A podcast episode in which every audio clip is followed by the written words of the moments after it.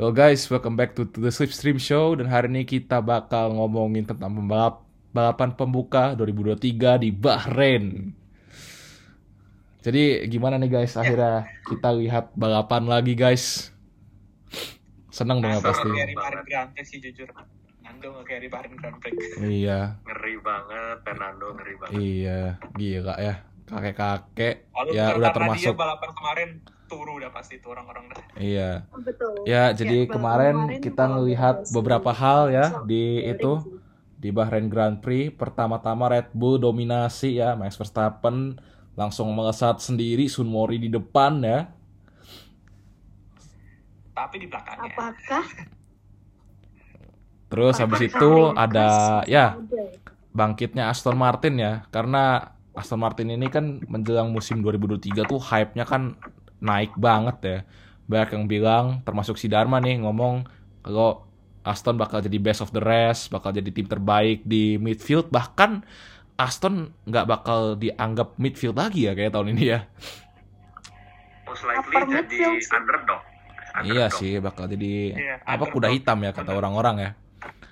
Terus kemarin ada juga tahun baru, manajemen baru, tim prinsipal dan strategis baru, tapi Ferrari yang masih sama, guys. Ya Allah. iya.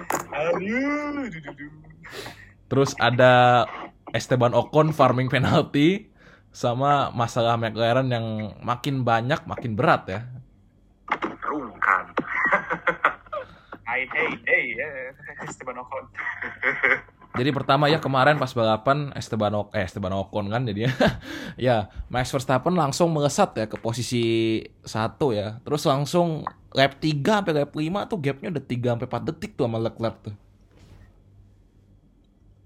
Ya, itu ngomongin soal itu, gue ada sempat lihat YouTube in the Race. Gue belakangannya lagi juga sering nonton YouTube in the Race karena analisanya bagus. Itu dia bilang Charles Leclerc di setiap lapnya itu 0,6 detik lebih lelet dari Max. Ah, iya, iya, iya. Katanya- berapa gitu? Katanya iya lebih kenceng apa 0,6 detik lebih cepet daripada mobil F1 Ferrari yang tahun kemarin F1 75 ya kan. itu faktornya juga lumayan banyak kan yang termasuk itu yang paling sangat mendampak itu ya tire degradation ya Ha-ha. karena Tapi tire decknya Ferrari katanya lagi jelek ya kan akhir-akhir ini ya. ya bahkan itu Charles tuh pakai soft baru lah ya. ya soft baru bener Max masih pakai soft yang dua atau tiga lap lebih tua bahkan Iya. itu tapi tetap masih lebih boros yang itu SF23 Iya. Cuy, emang Kenapa emang ya? Bahrain itu emang track itu sih emang ya track yang cukup kasar sama ban sih ya jadi Iya. itu sih ya gitu kan Iya. Habis itu ya eh, oh ya ada Alonso sempat clash sama Lance Stroll ya. Eh, kontak sih sebenarnya kontak kecil ya. Iya, tapi kita mau bilang ya, tapi gimana ya? Lance juga mungkin tangannya perlu itu dulu ya, karena Iya. emangnya Tapi ngomong-ngomong itu. habis baru habis operasi sih dia. Jadi iya iya. dua masih minggu. ya agak bisa dimaklumi. Ya nggak bisa. Tapi itu gokil Untungnya sih kata. NF, kalau di NF wah kacau sih itu dua-duanya. Iya. Hype hype-nya lagi naik-naik balapan pertama langsung di NF langsung pada ketawa tuh yang fans-fans yang lain. Nah, langsung itu haters Lance Stroll langsung muncul. Lalu, mm, Iya, Sama itu apa Lord Lord Hamilton. Kan Lord Lord Hamilton banyak nggak suka Alonso tuh kan. iya. Lord LH. Cold cold. Nah, habis itu ya ada kontak dikit ya Mas Stroll ya, tapi harus gua akui Stroll kemarin wah gokil sih tuh karena itu tangan tangan dia kan baru keluar operasi kan. Terus Iya. ya dia ba- balik-balik balapan langsung bisa P6 top 6. Itu keren tuh. Dan GG banget itu ya I habis mean ini not bad for a daddy's cash iya akhirnya Daddy Cash, the use of Daddy Cash bener-bener terbayar ya dengan mobil kompetitif, driver kompetitif ya. Sebenarnya udah kelihatan dari pas launching kemarin sih, Raf. si Iya. apa Papa Stroll ya. Iya. Eh, di mana dia if I get excited, I get passionate. If I get passionate, I win. itu Iya. aja udah, feeling gue makin bagus untuk Aston musim ini. Heeh, ah, habis itu semua. hmm, habis itu ya nggak nggak terlalu banyak kan yang terjadi ya. Terus oh nggak pas awal-awal balapan ya yang tadi gue bilang McLaren masalahnya makin ke sini makin banyak makin parah. Oscar Piastri masuk ke pit buat ganti ban sama ganti steering wheel. Tapi steering wheelnya error guys. Ya, 404 ya guys. Tapi anu itu tuh not responding. Iya, Iya, 404. muka-muka penyesalan tuh. Di intro F1 itu kan mukanya si Oscar kan agak-agak lesuk tuh tuh udah kelihatan tuh muka-muka penyesalan tuh. Ya, tolong Aduh, aku telah membuat kesalahan. Keluarkan Mobilnya aku dari sini. mobilnya ngelag Iya mobilnya nge-lag. Terus Lando Norris juga berapa? 7 kali pit stop loh. 7 guys. Tujuh. Tujuh kali. Tujuh. Gue sudah tahu nih bakal ngarah ke mana ini tujuh-tujuh ini gue udah tahu bakal ngarah ke mana. MU bukan Tujuh. Hah? Aston Villa 72 kan ya? Aston Villa 7 Liverpool 2 kalau nggak salah kan ya? Ya ya dulu gitu dulu gitu ya ya. Iya. Aduh, iya, Tapi kita- kita ini ya, nonton. Buat pendengar kita nih, As- McLaren ini kenapa sih? Kok yang gue denger, yang gue denger dari The Race ya, yang gue baca-baca dari Race itu katanya mereka itu ada ini ya perubahan dalam development aerodinamis gak sih? Eh, gini, jadi pas mereka sedang membangun mobil MCL60 ini, mereka tuh terlambat untuk mengetahui apa masalahnya. Dan sebenarnya masalah kalau kita lihat testing kemarin, brake-nya itu juga masih sama kayak musim lalu kan? Hmm, Masalahnya di brake gitu.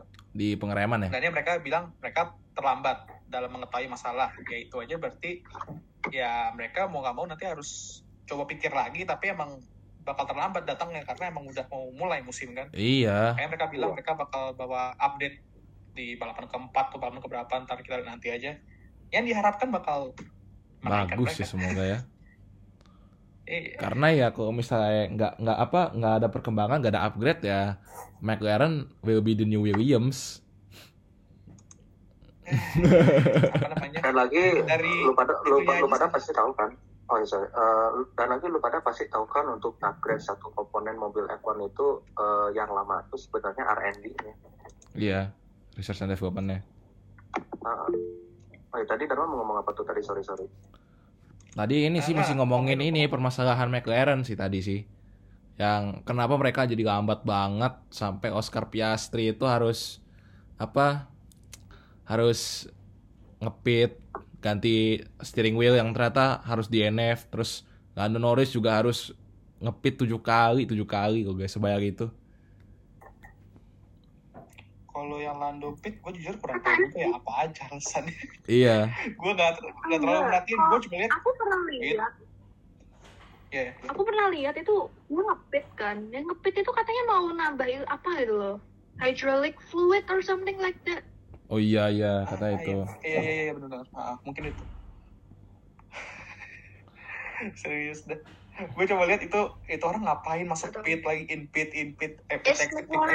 William? Iya takutnya kayak gitu tuh Tapi ngomongin Williams, ini nih menarik juga sebenarnya. oh iya ya. Albon Albon Lihat kan mereka- poinnya kemarin ya Ini juga dugaan gue mereka bakal lebih sering bersaing di papan tengah beneran coy bersaing di papan tengah mereka. Iya, Albon Williams. ini kan Albon kemarin dapat satu poin, terus di antara tiga rookie ya Logan Sargent ya kata finish paling atas ya. Ya Logan the best. Betul. Itu startnya Logan gila berani banget coy. Untuk seorang rookie start senekat, se-aware gitu, itu respect sih gue jujur. Iya. Dan ya, gue udah tahu dia nggak bakal jadi ketua San Modri berikutnya kan. Iya sih. pasti bakal itulah, bakal deliver lah pasti lah. Kayaknya ini sih ketuasan Modri itu kayak Piastri dah itu juga gara-gara Oh, faktor mobil. Ya, itu orang udah dipuja-puji sebelum balapan kan Eh tapi tapi gini ya. digadang-gadang. Ya, nah tapi iya kan kita sampai sekarang belum tahu loh tim mana yang bakal di tim papan bawah loh. Saking ketatnya di tengah. Nah itu dia. iya itu dia. Selama selama Tapi- McLaren Iya. kata gua nggak ada masalah sih bisa sih ke papan tengah, cuma kayak nggak bakal Bisa jadi ya. the best of the rest gitu nggak sih, gua nggak yakin. Nggak, gue juga nggak yakin. Paling ya Karena kata gua masalah-masalah yang dia yang mereka ngalamin sekarang itu bakal merugikan banget, bakal costly banget. Iya gue ragu kalau McLaren di papan tengah tuh gue agak sedikit ragu dengan permasalahan yang mereka ha- apa hadapin gitu Iya. Hmm, betul. Terus di sini juga ya ada ini ya kemarin yang bikin kita ketawa ya Charles Leclerc guys. Ketawa mau kecewa sih gue. Gue kecewa tapi di sisi lain ketawa. Gini anjir, gini gini guys. Kok bisa? Kok bisa? Jadi gini, jadi gini, kemarin Leclerc itu kan abort lap ya pas di Q3 ya, karena merasa udah nggak sanggup sama mau save tires kan, mau ya, apa eh, bannya kagak mau dihabisin kan, bannya mau dipakai buat balapan.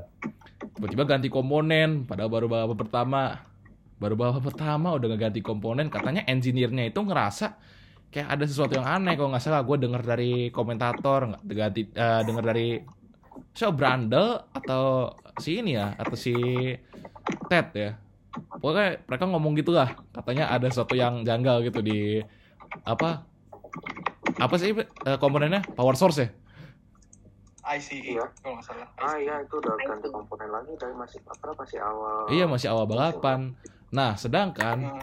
kalau mau ganti komponen itu maksimal dua kali oke ganti komponen kan biar fresh ya tapi Ah, ternyata Betul. di NF guys mesinnya jebol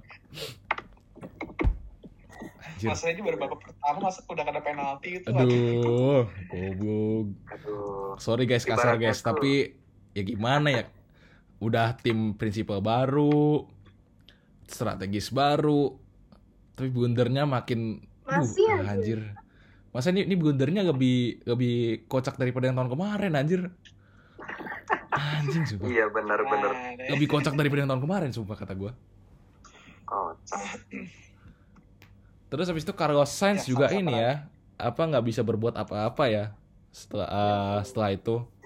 Karena dia bilang apa? Kalau misalnya dia defend dia bakal boros ban nggak salah ya. Defend Alonso Iya, kan. iya. Karena Alonso kan lagi Eventnya cukup oke sih. iya, tapi Alonso kan lagi on fire banget ya. Ngomong-ngomong Alonso ya kemarin ya. Dia itu wah gila cuy. Dia eh, turun ke P7 ya di awal di awal-awal. Habis itu Heeh. dia Iya. ya ada battle-battle sama Russell ya. Dia sama Russell lumayan clean sih tuh kata gue racingnya bukan lumayan emang clean ya. sangat clean. Sama Nggak- kata gua yang gokil. Nggak nggak denger tuh gua Wait, kemarin. Gua nggak dengar kemarin Alonso ngomong di radio kayak all the time you have to leave the space. Gua kemarin nggak dengar. Artinya tuh bener-bener clean banget. ya nggak? Iya. Habis itu yang battle sama Hamilton nih keren. Dia mau nyalip si Hamilton di lap eh di lap lagi di turn 4 Tikungan ya di turn 4 habis itu si eh, apa dia mau ngehindar collis- collision kan karena Hmm. ya itu space-nya nggak ada kan habis itu Iya. berapa lap kemudian dia nyalip Hamilton di tikungan 10 kalau kalian tahu tikungan 10. tikungan 10 Bahrain itu tuh kan tajam banget ya sama tricky lah ya Wah, iya itu. Hairpin. heeh. Mm. Dan itu kayaknya baru pertama kali sih gua ngeliat itu tikungan jadi spot nyalip loh. Cuma Alonso doang loh yang bisa nyalip di situ terus screen lagi. Wah gila. Sepanjang sejarah Ah. F1 di Bahrain gitu ya. Iya. Gokil sih. Ya sih gue kalau gue ngelihat juga kalau nggak tahu ya mungkin gue ada sempet nggak lihat tapi kalau yang gue lihat secara langsung itu pertama kali sih jujur aja Iya. Wait. nyangka juga gue Iya. Gokil emang. Sih nggak tahu ya. Cuma tapi ya itu tuh apa dia tahu aja masalah kan gini ya mungkin Luis nggak tahu juga mungkin dia nggak expect Nando bakal lewat jalur itu kan iya Sam- bakal make a move situ di kan. situ dia nggak expect. Iya. Karena ya Jam kan terbang, dia, dia juga tahu kan kalau misalnya tikungan 10 bukan tikungan buat nyalip di Bahrain. Iya. Yang gue tahu kan cuma Tapi satu empat kan. Itu semua tuh cuma masalah jam terbang, bos. jam terbang betul iya. Pokoknya apa kalau udah berpengalaman ya gitu itu yang bakal nanti dibawa Iya. Setiap peluang tuh pasti dikorek-korek sampai sedetil-detilnya, sampai sekecil-kecilnya. Iya. Habis itu ya setelah Leclerc DNF itu kan Alonso naik ke posisi 4, Carlos naik ke posisi 3 kan. Alonso nggak pressure banget ke, ke Carlos kan. Terus si engineer Carlos kan bilang kan harus defend, nggak apa pokoknya harus defend lah ya. Terus si Carlos bilang kalau misalnya gua nge-defend gue bakal boros ban ya kan. Kalau nggak bilang itu kan dia. iya uh banyak Iya, nggak bakal sampai akhir Hmm. Ah. Jadi ya ya udah mau nggak mau he has to give up the position. Masalah degradasinya si Ferrari ini lumayan parah. Iya makanya degradasinya parah. Silvercore kan sebelum DNF kan juga sempet ini sempet apa eh, bilang kan Iya, degradation is bad kayak gitu lah ya Ya. Dan ya abis itu eh 10 lap menjelang akhir ya Alonso nyalip Carlos dan ya Carlos juga lock up sih di itu di di area zone Iya. itu Habis itu Nando ya cruising aja di depan. Iya. Tapi kalau gue lihat juga dia sedikit memperkecil gap dengan Ceko. Tapi ternyata ya gue sempat mendengar kemarin Red Bull nurunin mode mesin mereka. Jadi ya wajar. Nggak tahu kalau mereka full Oh. power sampai kalau mereka full power sampai akhir tuh wah nggak bisa bayangin gue. iya Santai dulu gak sih? Santai, Santai dulu gak sih? Iya, Iya. santai dulu sih. Kayak biasanya soalnya kalau langsung dipakai all out dari balapan belum tentu eh, apa si mesinnya tuh bisa bertahan sampai akhir. Maksud gua tuh kayak eh, takutnya sering ganti mesin gitu. iya Lagi juga mereka udah jauh di depan. Siapa yang menantang mereka ya mending turunin mesin ya. Iya benar-benar. Jadi kalau bisa gua analogiin yang depan apa barisan depan tuh front row posisi satu dua tuh ibaratnya kayak lagi San Mori. Nah yang ru- rusuh ini yang ramai ini yang di tengah itu. iya Ya tengahnya itu dari posisi ke iya tiga lah ya kita anggap tiga kayak itu tuh sampai yang bawah-bawah pun tuh juga bersaing semua gitu. Cuma Iya. di depan doang ada lawan. Iya pada yang di tengah tuh pada ngepur semua. Ngepur atau emang Red Bullnya yang terlalu jago. Iya. Kayak ya ngomong-ngomong Red Bull, Red Bull itu disuruh agak nyelow ya kan pas menjelang akhir race. Karena ya iyalah Verstappen gapnya udah berapa 11 detik gak mungkin kekejar ya kan Gak mungkin sih. Gila sih Tapi gue Ya, mesti dan- acungin jempol juga sama Mahaka, ah, apa sama Adrian Newey sama tim-timnya itu. oh, Kalau lo Nui itu ah itu sih. gila sih Pengendali angin. Indi, Indigo kalau kata gue tuh tanam. iya indra indra ke keenamnya tuh bisa ngelihat angin soalnya flow apa visual visualiza, visualization paint-nya tuh rapi banget gitu. makanya Hampir kayak dan seolah hampir tiap ini ya dari livery padahal worknya workflow-nya tuh rapi banget. iya makanya hampir tiap hampir tiap mobil yang Nui bikin kayak juara semua ya mulai dari mobil Mansell, Hakkinen, Sep, sekarang Max Iya. Mhm. Edan emang. gila sih Emang maestro-nya ya dia tuh, maestro. iya sih Maestro Bukan dalam sembarang desainer Adrian Newey ini. Gue jadi penasaran isi bukunya How to Build a Car isinya apa. Aduh, gue Kayaknya kayaknya Mercedes kalau mau kompetitif harus baca buku itu deh kata gue. gue belum sempat ini apa gue belum sempat lihat-lihat di eBay itu buku harganya berapa Tapi Mercedes kata gue kalau misalnya mau kompetitif mereka harus baca buku itu sih kata gue. definitely Harus. Eh, kalau nggak salah- kalau nggak salah kalau nggak salah oh Kalau ya sorry, sorry. Menurut gue ya kalau Mercedes mau kompetitif lagi mau nggak mau mereka harus mengulangi konsep zero di- zero pot design gitu jadi Nah kan iya. kan zero pot harus ramping gitu jadi mau nggak mau Mercedes harus cari cara cari cara lain bagaimana mobil, mereka bisa kembali bertarung ke depan Iya. Karena ya kalau misalnya gini-gini terus ya Ferrari-nya jebol-jebolan atau bikin blunder gak penting terus. Aston Martin nggak bisa apa keep up sama bukan nggak bisa keep up sih. Stagnan di situ-situ aja tapi di depan sama Mercedes gak kompetitif ya. Ya udah anjir. Iya. isi isi championship dah buat Red Bull. Iya. Tahu ya mungkin udah buat petisi tuh fans fans Mercedes. Hashtag 20, 2024 ganti sidepod gitu kan. Iya kan eh, eh ngomong-ngomong Mercedes itu tuh 2024 pakai sidepod. iya pakai sidepod bukan ganti sidepod pakai sidepod ngomong-ngomong Mercedes itu tuh desainernya masih James Allison nggak sih? Apa udah kan Kata, katanya masih sih. Masih James Kayaknya sama James, James, Allison Allison tuh James Allison tuh naik pangkat terus siapa gitu? Mike Elliott kok? Eh bukan Mike siapa yang namanya? Gue lupa. Ada Soalnya- gue udah baca beritanya tuh juga udah dikasih ultimatum tuh. Hmm. kalau gue bikin kategori untuk semacam kayak pertarungan antar desainer gitu itu tuh satu-satunya worthy opponent buat Adrian Newey itu ya James Allison iya sih. James Allison karena ya dia bisa bikin mobil yang wah dominan bro. Terutama W11 wah gila. Wah, iya itu. 8 kali konstruktor loh itu. Hasil karya James Allison. iya ya abis itu Itu tadi terakhir kita juga, kita juga ngobrol tentang ini ya masalah Mercedes ya so Toto itu juga dia juga bilang kalau dia kurang puas sama start dari musim ini ya karena ya Iya. kan mereka ngarepinnya mereka bisa fight for wins, fight for championships, tapi ternyata ya mereka mulai sebagai tim papan tengah ya. Crazy untuk ngomong kayak gitu sekarang ya. Bahkan gue denger-dengar si Toto itu ngomong kalau misalnya ya udah dia udah nggak yakin, udah give up dia kalau apa tentang championship tahun ini. Dia bilang kalaunya kalau kayaknya Red Bull bakal menang semua balapan dan nyerah duluan dia ini ya. Eh, ya, waduh sebenarnya gimana ya? Iya. Pesimis ya boleh, cuman berharap lah upgrade, upgrade, upgrade nanti bisa bantu tapi ya susah juga sih jujur aja Iya. emang sulit sekarang ngejar Red Bull emang udah terlalu jauh sih sebenarnya Makanya Red Bull udah wah kayaknya udah lebih ini sih lebih dominan daripada eranya Vettel dulu ya. sepertinya udah ya udah OP sekarang Iya, ada OP-nya udah ngelebihin. crazy coy crazy Iya. Habis itu ya kita udah ngomongin apa tahun baru eh, Ferrari, udah ngomongin Mercedes, Alonso balik ke podium. Ya, balik lagi ke Alonso ya. Dengan Ya. podium Alonso, Alonso itu udah podium dengan beberapa konstruktor ya. Dari Renault, Alpine, Mercedes, eh McLaren, Ferrari.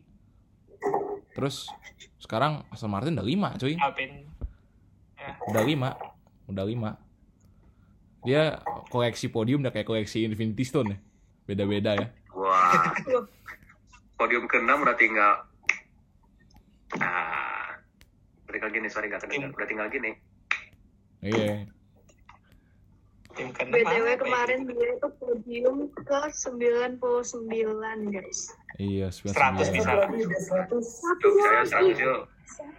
Ntar lagi jangan 100 kayak Gila. jangan kayak Rossi 299 stuck podium iya ini kesian tuh sebenarnya ya Itu agak agak agak OOT sampai. ya Rossi itu sebenarnya masih punya apa banyak aja peluang podium du- 200 kebuang iya di 2020 nggak di jangan 2020 sampai sih Nando juga kayak gitu Iya. Alonso sebenarnya udah banyak kebuang sih sebenarnya di era McLaren Honda sama pas di Alpine. Peluang buat banyakin podium 100 lebih.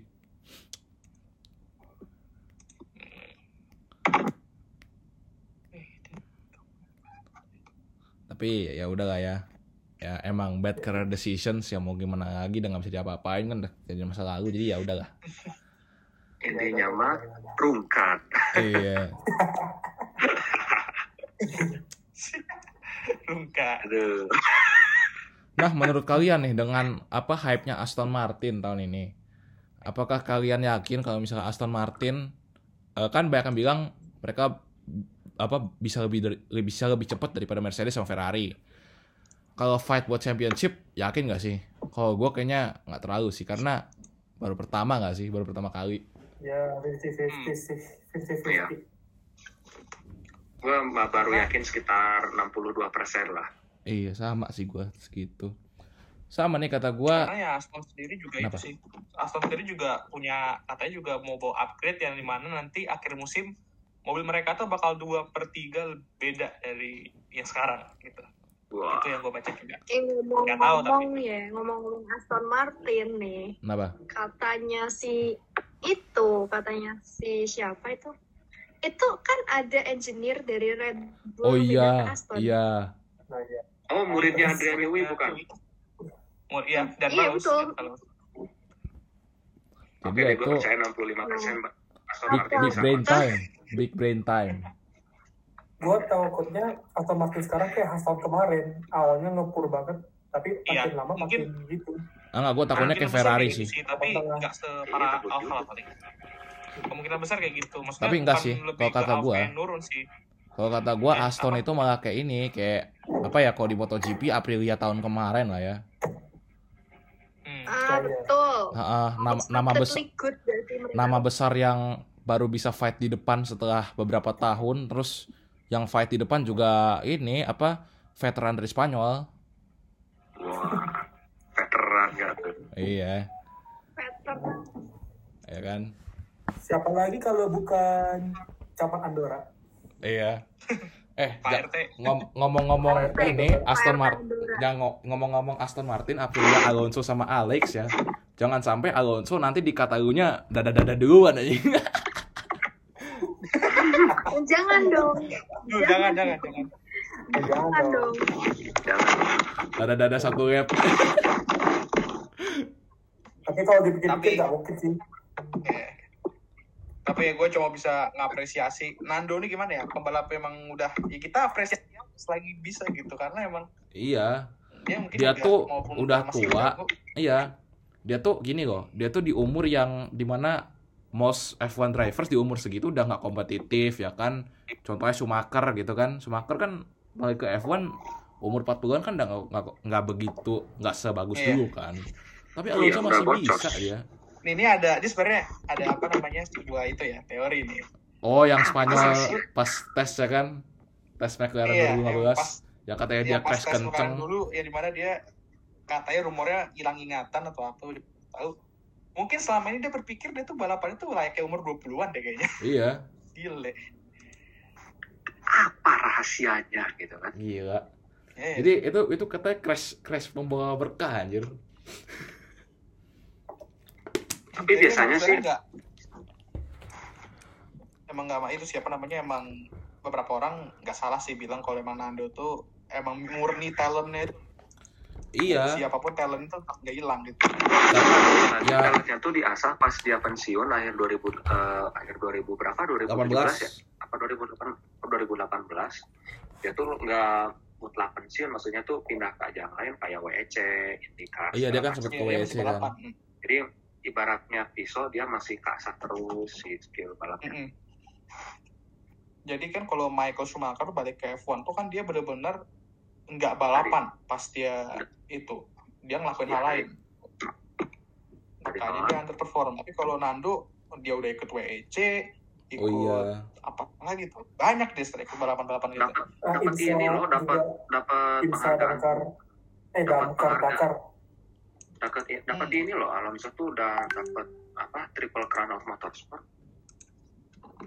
IndyCar dah dia ya Eh, IndyCar. Yang paling khasnya tuh Oh iya, yang IndyCar, IndyCar tuh iya, iya, yang itu, yang 2017 kan dia ini ya skip di Monaco kan. Iya. Terus Iya, skip ya kan waktu itu McLaren Honda tahu lah mobilnya butut, ada BT di issue. IndyCar pun juga udah lap akhir malah Iya malah di. NF. Wah kesian. Tipikal Nando banget dah sumpah Iya, 2014 lagi qualifying nggak lolos. iya. Itu Tapi pun kalau sama tim kecil. hmm, tapi ya akhirnya ya Alonso bikin good career choice ya. Ya. Iya. akhirnya guys akhirnya Iya, gila ya. Alonso nih kalau di WWE nih kayak Edge anjir. kalau di badminton kayak Hendra Setiawan sih kalau Iya. Alonso itu tua-tua masih kelas gitu. Heeh. Nah, Dan kalau apakah ya Alonso bisa menang balapan? Karena walaupun dia di mobil kompetitif, dia itu bertanding sama Verstappen yang lagi muda, OP lagi. Wah, Iya ya. bener-bener pure talent jadi mau talent. apa melawan mobil ya entah pembalapnya sama apa desainer mobilnya tuh jago banget masih bisa iya. tinggal dikasih mobil bagus aja Alonso tuh Iya. Itu dia. Kalau misalnya bad career choice mulu ya ya udah stagnan jadi bapak-bapak yang ini ya yang pengen stay relevant gitu loh dicapnya sama orang-orang. Iya, Padahal sebenarnya dia he's more than that. Ya kan? Terus apalagi ya pembahasan dari kemarin ya? Eh, kita bursa Itu aja bursa sih. driver sebelum musim Ah, bursa transfer mah ya kan sebuah musim mah enggak sih. Kayaknya belum ada pembahasan sih kalau bursa transfer belum ada isu-isu sih. kalau mau itu sih bahas Saudi kira-kira gimana Saudi ntar apakah tim-tim yang lawak di Bahrain bakal comeback di Saudi apakah Red Bull akan terus mendominasi atau apakah Nah, tim kayak yang gua bingung. mau itu ngebahas Bahrain curse Nah, enggak enggak enggak. Oh iya Bahrain Curse ya. Nah, Gua gua ya, ngeliat eh, di TikTok ya. Banyak anjir fans-fans Leclerc yang bukan prediksi sih kata gua jatuhnya kayak ngarap berlebihan, tau nggak? Maksud gua, apakah kalian yakin gitu dengan tim yang ngelawak? Apa kalian bisa gitu apa mengandalkan Bahrain Curse gitu? Gue sih enggak sih jujur. Iya. Sebagai tifosi ya. Bahrain Curse tuh lebih first uh, lebih uh, umumnya tuh lebih biasanya tuh first race win curse itu tuh lebih kayak ke cocok logi tapi kebetulan banget gitu Iya. soalnya rata-rata yang menang di balapan pertama tuh biasanya udah pada jumawa duluan Iya. Enggak, gini loh maksud gua. Apa? Banyak yang bilang eh, kan tahun kemarin Ferrari 1-2, terus Leclerc menang di bah di balapan pertama. Terus Red Bull dominasi sisa balapan. Terus di sini Ferrari eh Red Bull menang terus apa 1-2 kan. Hmm. Eh, terus eh, apakah Ferrari bakal dominasi di apa kayak ada fans Leclerc di TikTok gitu mereka kayak yakin banget gitu kalau misalnya Leclerc bakal jurdun kata gua ngarap berlebihan kata sebenarnya gua? nggak apa-apa ya. Cuma masalahnya ini yang dibilang eh yang diomongin tuh Ferrari guys. Ferrari Kayak- kan tim lawak anjir. kita nggak bisa berharap banyak. Jadi cuma lebih Terus ke gini. cocok logi biasa aja. Gitu, yang diomongin yang diomongin itu juga Max Verstappen. Inget gak kutukan Itali? Itu pun dia pecahin sama dia. Ah iya kutukan Italia tuh bisa dipecahin Iya, gua. Itu pun dipecahin sama dia tapi Curse tuh ya kalau misalnya emang Max gak menang ya paling berujung apa? P2 sama P3 atau poin aja? Kayak yang gue yakin ya. Saking bagusnya Red sama Bull. Pitri Nah, untuk akhir-akhirnya masih bisa ngejar juga kan? Iya. Bisa lah bisa? Bisa masih musim panjang musim itu masih panjang. Kita lihat aja ntar. Aja menarik sih harusnya sih kita lihat nih apakah ada tim-tim ini bakal bisa ngejar Red Bull atau enggak kalau nggak bisa ya ya sudah. Ya udah kalau misalnya nggak ada yang bisa ngejar Red Bull ya udahlah congratulations. Red Bull WCC fokus ngejar. udah fokus yang ke bawah-bawah. Terus ke midfield aja lah. Ngom- ngomongin yang udah juara terus kan bosen juga lah iya. Alfa Romeo ya ini ya kemarin Bottas P8 terus Chow fastest lap cuma ya sayang banget nggak dapet poin ya. Hmm. hmm. terus ya yang kita tahu ya Guan Yu Zhou tuh ternyata udah ini ya dua kali fastest lap loh dia. Iya. iya. si Chow ini dia ngambil fastest lap terus ya udah dua kali. Iya. Nyolong Kalau itu- fastest lap dari orang. Sebelumnya tuh fast lap-nya di siapa ya sebelum cowok ya? Nggak tahu juga kenapa Alfa Anu, mau pakai taktik itu. si Hah? si Hulkenberg gak sih? Eh. Nggak tahu. Iya Hulkenberg maksudnya Hulkenberg juga nggak di poin gitu. Iya Hulkenberg nggak di poin masalahnya jadi nggak peduli juga gitu. Itu juga kenapa fastest lapnya anak-anak belakang gitu. Eh Nggak tapi ngomongin ngomongin Hul- sesuatu mungkin. Ya ngomongin Hulkenberg ya. mungkin. ngomongin Hulkenberg ini loh dia gokil loh dia balik-balik bisa masuk Q3 loh. Ya tapi pace-nya men- khas di, di race emang nggak mengkagetkan lagi ya. Iya. kalau nggak pace-nya drop ya front wing-nya sayonara cuy. Bener. Iya. front wing mereka selalu sayonara di awal-awal cuy. Atau kenapa. Udah menjadi tradisi kayaknya. Hmm. udah udah itu ya udah jadi pasangan. Yoi. Kayak Udah. terlalu terlalu fragile front wing-nya. Iya. Tiba-tiba langsung Oh iya sama ngomong-ngomong front wing sama Haas ya. Kita tahu ya Kevin Magnussen kayak gimana. apa gitu berapa kali kemarin tuh kena bendera itu tuh musim lalu Black and Orange. Poplak emang Udah berkali-kali aja Iya. udah udah itu udah identik sama Magnussen.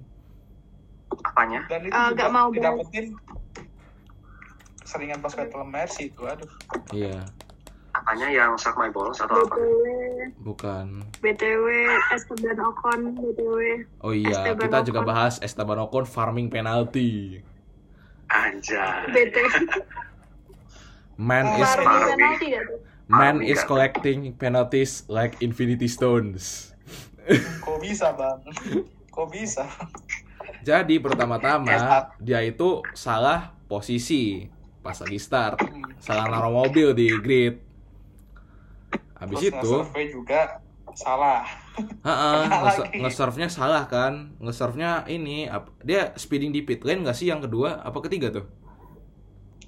Lupa gue pokoknya dia harus masuk lagi nge-serve lagi kan terus Iya, Gara-gara katanya kecep, kecep dia keda- pas ini nge-serve penalti kecepetan.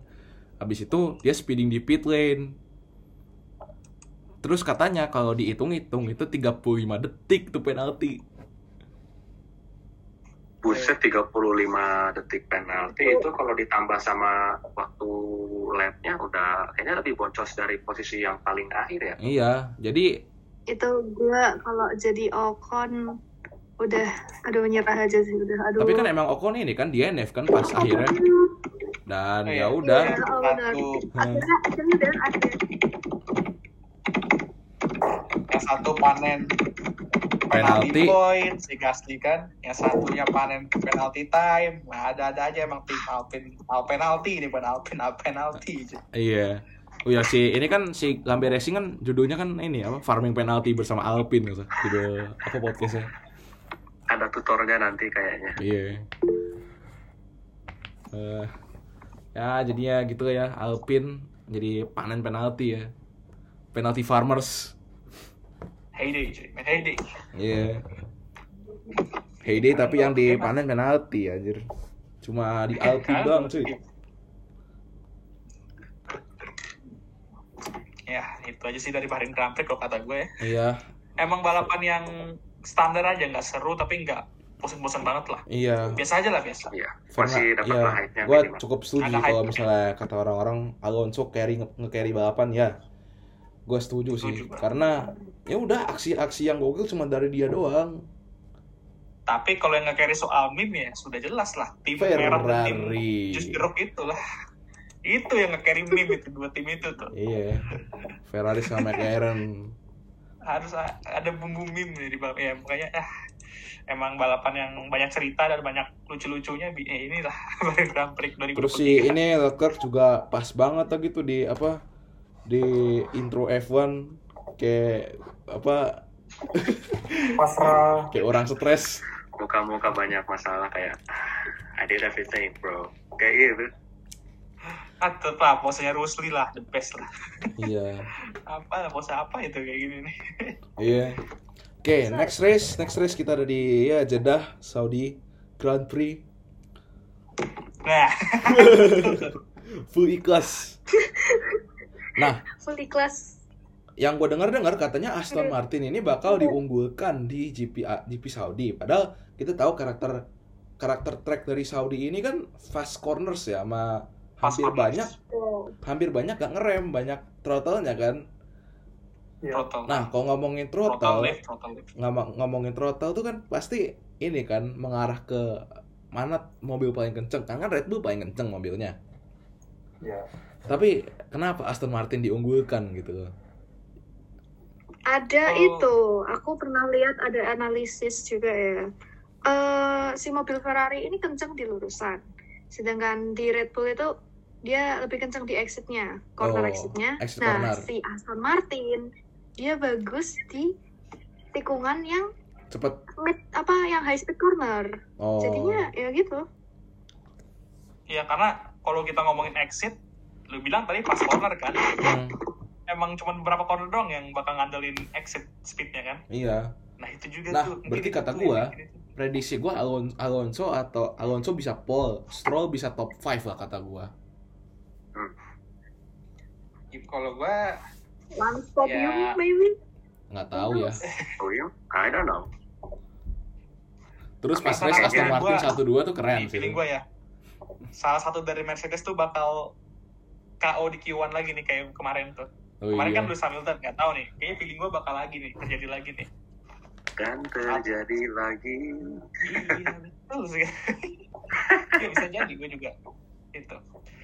Tapi ya pasti Iya. semoga aja balapan Saudi ini nggak ada drama lagi kayak musim lalu. Drama missile ya itu jangan sampai lah coy mengeri itu coy mau balapan tapi ada missile kan itu. Eh tapi dengan karakter eh, sirkuit Saudi yang emang eh, tadi lo bilang fast corner itu ada kemungkinan buat nyiksa ban nggak sih kayak di Bahrain soalnya itu kan sama-sama masih di Timur Tengah tuh. Kata lo gimana? kalau dari suhu mungkin nggak bakal separah di Bahrain lah ya Iya. nggak tahu juga sih gue tapi tergantung pembalapnya juga sih mereka gimana tuh dan tergantung mobilnya juga tire Iya. decknya gimana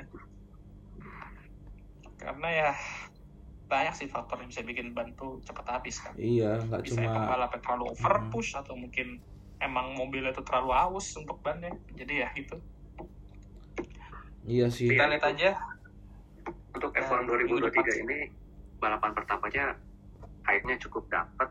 Jadi eh, banyak media itu jadi cukup banyak spekulasi, teori sama hipotesis yang bisa kita lihat di artikel berita entah siapa yang jadi juara dunia, terus Tapi kayak kalau juara dunia tetap Max sih. Iya, maksudnya eh, ya dalam prosesnya gitu entah eh, hype-nya kayak gimana. Iya. Kayak gitu. Pokoknya wah rame banget. Mungkin tahun ini gue prediksi rame. Iya. Gaskun F1 2023 Hmm. Yoi. Yoi. Jadi kayaknya itu aja, maybe. ya soalnya soalnya terbatas juga waktunya Iya. kenapa Mid sekarang nggak ada itunya ya Iya nggak tahu. tahu nih apa-apa berbayar dah. Heeh. Lama-lama apa, apa-apa diduitin coba. Ya Allah, heran. Iya. kalau kalau mau yang nggak ada batasnya harus pakai akun school Heeh. Nah iya. Iya. Ya kayaknya itu aja dari kita. Eh, kita bakal ketemu lagi di Sa- eh, Saudi GP. Jangan lupa follow dan subscribe YouTube Strip Stream Show. Jangan lupa follow juga IG salah satu partner kita F1 Meme Indonesia punya Dharma ya dan Over Under. Thank you for listening to juga our, ya Yo, Thank you for our podcast karena F1 Racing. and see you next time. Five, four, three, two, one. Oh, enggak ya. Beda Oh, beda. jangan, janganlah, janganlah. Jangan, jangan. Oke, oke. Yo, See you in the other side, guys.